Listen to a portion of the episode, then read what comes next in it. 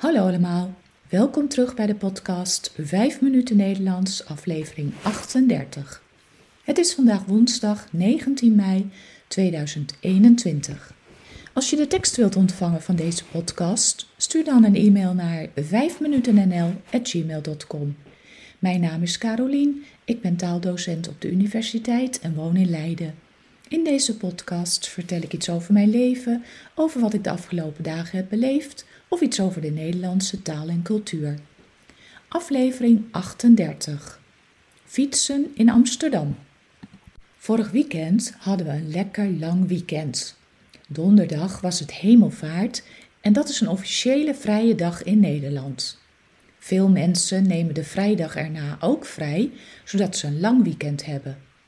Voor alle mensen die op de universiteit werken, was de vrijdag een verplichte vrije dag. De universiteit is dan dicht.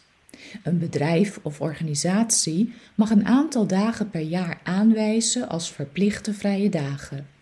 Dit betekent dat je vrij bent, maar dat het je wel één van je vrije dagen kost. Dit kan een bedrijf niet zomaar beslissen, het moet vermeld staan in de CAO, de collectieve arbeidsovereenkomst. Het was mooi weer en ik heb heerlijk door Amsterdam gefietst. De terrassen zijn weer open en dat maakt de sfeer meteen weer wat gezelliger in de stad.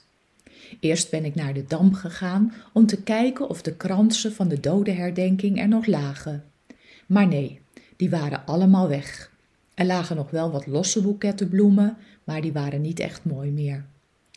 Daarna ben ik verder gefietst over de grachten.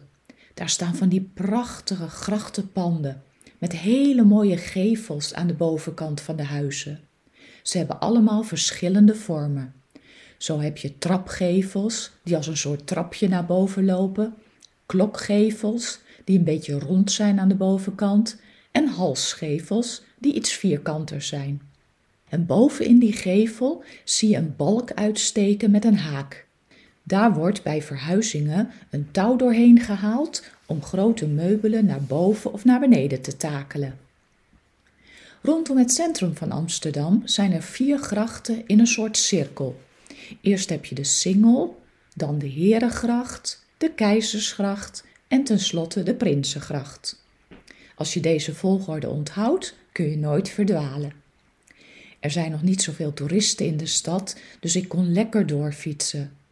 Uiteindelijk kwam ik terecht op de Vijzelstraat, waar de weg was opgebroken. Er moest opnieuw geasfalteerd worden en er stonden grote machines op de weg. Fietsers konden er nog wel door, maar niet via het fietspad. Je moest midden op de weg fietsen, waar normaliter de tram rijdt. Dus dat was goed uitkijken. De tramrails is namelijk heel gevaarlijk voor fietsers. Als je met je wiel in de tramrails komt, kun je geen kant meer op, sta je meteen stil en val je met fiets en al op straat. Ik heb het vroeger ooit een keertje meegemaakt en sindsdien kijk ik extra goed uit als ik dicht bij een tramrails moet fietsen. Ik fietste zo richting de Pijp, een populaire buurt in Amsterdam, op weg naar een kookwinkel. Ik was namelijk op zoek naar een snijplank en had gezien dat ze die bij Duikelman verkochten. Wat een geweldige winkel als je van koken houdt. De hele winkel staat vol met allerlei soorten pannen, messensets, mixers en natuurlijk ook alles om taarten te bakken.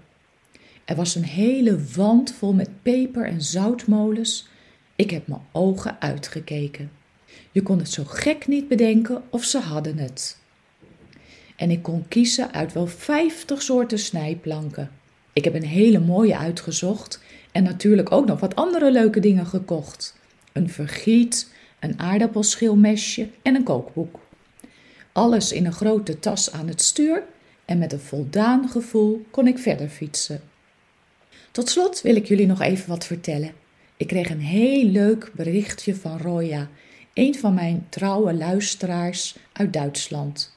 Ze had het boek Uitwaaien van podcast 35 besteld en stuurde een foto waar ze in de tuin het boek zit te lezen. En in die tuin staan allemaal mooie tulpen.